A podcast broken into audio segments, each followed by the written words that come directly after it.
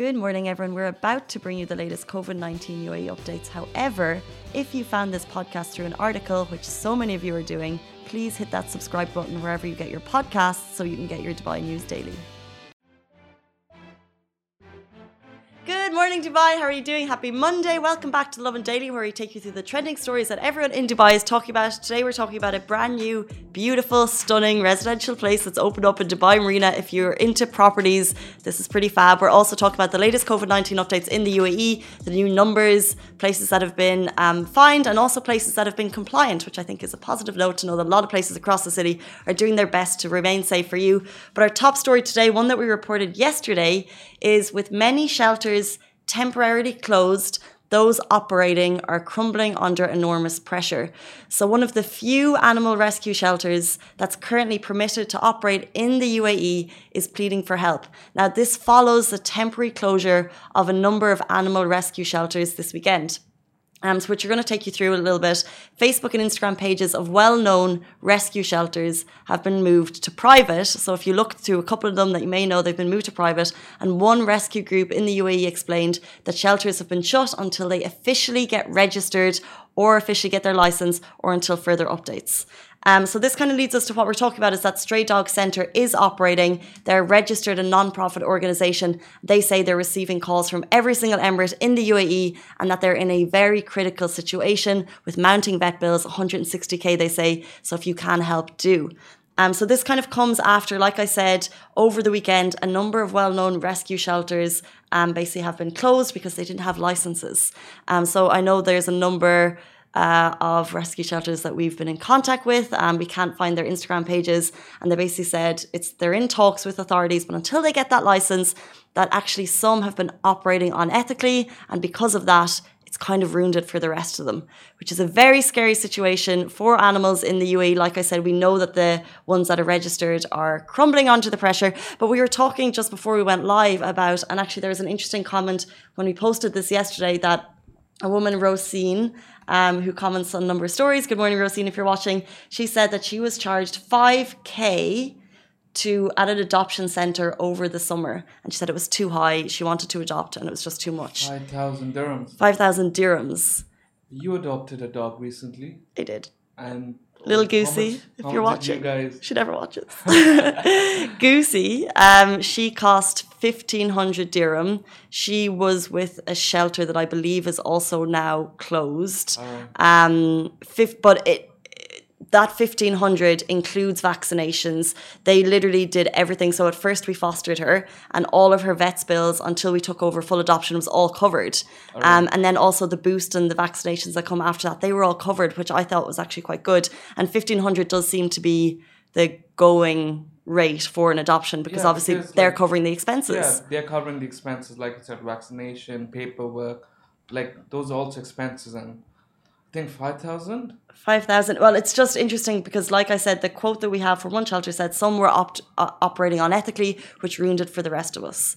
Um, so we hope, uh, I mean, 5K for an adoption. But then if you look through all the comments, you know, others are saying that um, they uh, took, you know, stray cats to summer and it was free. So there's quite a bit of a variation there. And that's why I think, yeah, I don't know if this is going to be a controversial thing, but that's why, of course, you know, getting licenses is so important and regulation is so important in the UAE because to make sure that you don't have those kind of discrepancies. But you had a similar case that you adopted, was it a couple of years ago in Abu Dhabi? Yeah, so we adopted uh, our beautiful German Shepherd, Kenai, yeah. about seven years back from Cloud9. Mm-hmm. My mom and dad actually rescued, uh, like, uh, they fostered him for about six to seven months before they actually rescued took in the paperwork and all that. Mm. And uh, I think they said they had paid around a thousand bucks, but I'm talking about like seven years back.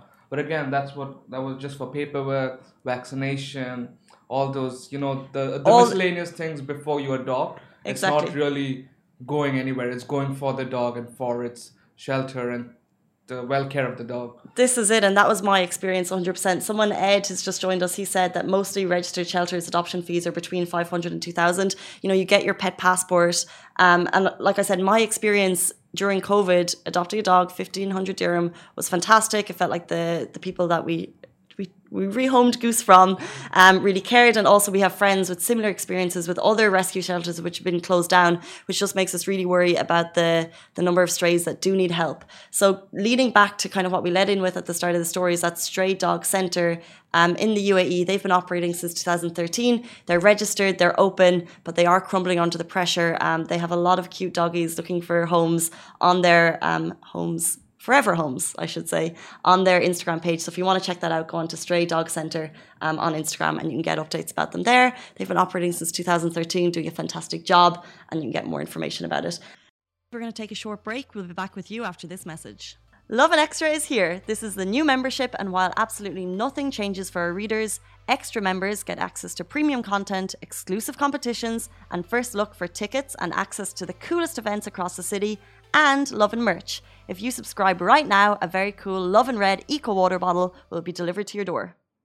Um, but if you guys have similar experiences you want to talk about it, do drop it in the comments. We love to read them after the show. But we'll lead you into our next story the latest COVID 19 updates in the UAE. So we'll take you through the numbers. First, in the last 24 hours, 106,034 tests took place across the UAE as part of its plans to expand the scope of testing. As we know, 851 new cases were announced, 868 recoveries, and one death. Now, in the same day, Dubai Economy fined 22 establishments and warned two shops. And within those establishments, nine were fined for employees' um, lack of commitment to wearing masks, and three were breaking physical distance guidelines. 649 were found to be compliant. And there were zero closures. So the DED continues to emphasize the importance of following the precautionary measures in a bid to curb the spread of COVID 19. So, kind of every day, we're bringing you the latest numbers, and also, kind of um, as Dubai economy are really clamping down on. Um, making sure that the precautionary measures are enforced across the UAE. And they've actually put up a, if you can see it on Facebook beside us here, um, bringing us kind of if there were any closures, if there were any fines. And I do like also that they add the number of how many were compliant because it shows how many kind of uh, checks are being carried across the UAE. Um, and also, it's, it's good, right? Like, it's also to let everyone know that like these checks are happening. Exactly. Like, please follow social guideline. I mean, social distancing. Wear the mask. Like, it's for your own benefit. We are all responsible. We are all responsible. Commit to win. Yeah.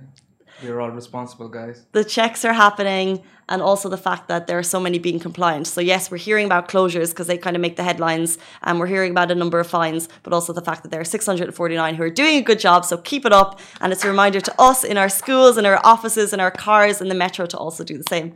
And we'll move on to our final story. A stunning Jumeirah Living Marina Gate has opened. And if you love looking at pretty properties, this is pretty fantastic. Uh, this is Jumeirah Living Marina Gate by Marina. It's brand new and it's created by the good people at Jumeirah, so you know it's going to be pretty fab.